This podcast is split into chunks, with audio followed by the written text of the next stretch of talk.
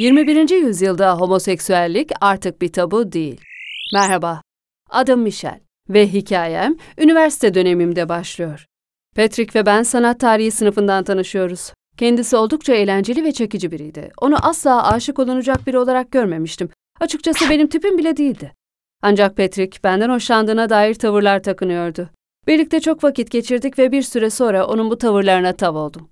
O birkaç ay boyunca peşimden koştuktan sonra nihayet beraberliğimiz başladı. Patrick'in tipim olmadığını bilen tüm arkadaşlarım durumu oldukça şaşırdı. Her ne kadar kendisi çok hoş biri olsa da içten içe bir şeylerin yanlış olduğunu hissediyordum. En iyi arkadaşım Silya aynı zamanda Patrick'in de yakın arkadaşıydı ve okuldan sonra daima birlikte takılırlardı. Bir gün Silya ile kahve içerken bana şüphelerinden bahsettiği kahvesinden bir yudum alarak ''Michel, sana dürüst olacağım.'' dedi. Ve ekledi. Bence Patrick gay. Ağzım açık kaldı. Ne cevap vereceğimi bilemedim doğrusu. Silya, Patrick bu konuda hiçbir şey söylemedi ama metroseksüelden çok daha fazlası gibi görünüyor diye devam etti. Haklıydı. Kıyafet, müzik ve ayakkabılar konusunda ince bir zevki vardı. Oldukça hassas bir kişiliği vardı ve zaman zaman dramatik davranıyordu ama maalesef bir kere sevmiştim onu. Üniversite öğrencileri için yarı zamanlı işlerde çalışmak gayet doğaldır. Hepimiz yaptık bunu. Silya ile Patrick'in bir mekanda barmen olarak çalıştığını biliyorduk. Yani o bize öyle söylemişti. Bir gün Silya bana seni asla çalıştığı mekana davet etmiş olmaması sence de garip değil mi diye sordu. Haklıydı. Patrick işi hakkında konuşmaktan daima kaçınıyordu. Yüksek bahşişler alabildiği, cuma ve cumartesi geceleri çalıştığını biliyordum. Silya neden ona bir sürpriz yapmıyoruz diye önerdi. Bilemiyorum. Beni hiç çağırmadı.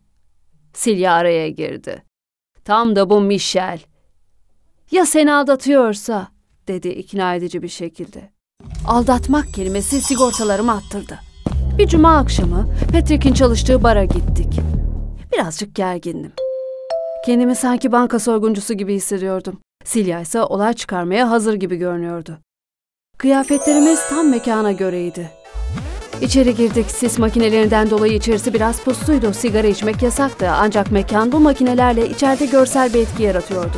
Silya'ya görmüyorum onu gitsek iyi olur dedim titrek bir tonla. Ancak arkadaşım işin peşini bırakmıyordu. Kolumdan tuttu ve bu kadar korkak olma. Herifi iş üstünde yakalamak istemiyor musun dedi. Bu sözleri kötü haberin işareti gibiydi adeta. Müziği tüm vücudumda hissediyordum ve yanıp sönen ışık herkesin hareketlerinin yavaşlamış gibi görünmesine sebep oluyordu. Gözlerim loş ve dumanlı ortama alıştığında Petik'i uzun boylu, sarışın ve kaslı bir erkeği okşarken gördüm. E, e, inanamıyorum.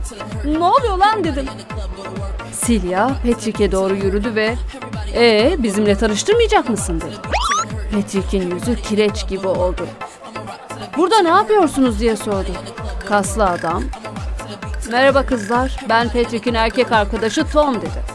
Patrick gözlerime bakamıyordu bile. Bir kelime dahi etmedi. Ben de hiçbir şey söylemedim. Öylece dikildik kaldık. Silya aniden müziği bastırmak için bağırarak bu oldukça garip Tom. Karşınızda Michelle, Patrick'in kız arkadaşı dedi ve beni elleriyle takdim eder gibi yaptı.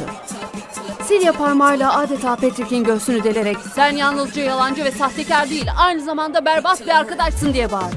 Ardından olmaz olsun senin gibi arkadaş diye azarladı. Silya Tom'a dönerek tanıştığıma memnun oldum Tom dedi ve beni elimden tuttuğu gibi bardan dışarı çekti çıkardı. Aniden gözyaşlarına boğuldum. Silya beni teselli etmeye çalışıyordu. Silya'ya onun gay olmasına ne şaşırdım ne de üzüldüm. Sadece bana yalan söylediği için kızgınım dedim. İçgüdülerime güvenmeliydim. Bu olay yeni benin ortaya çıkmasına sebep oldu. Artık içgüdülerime daha fazla ve kimi insanlara daha az güvenmeyi öğrenmiştim.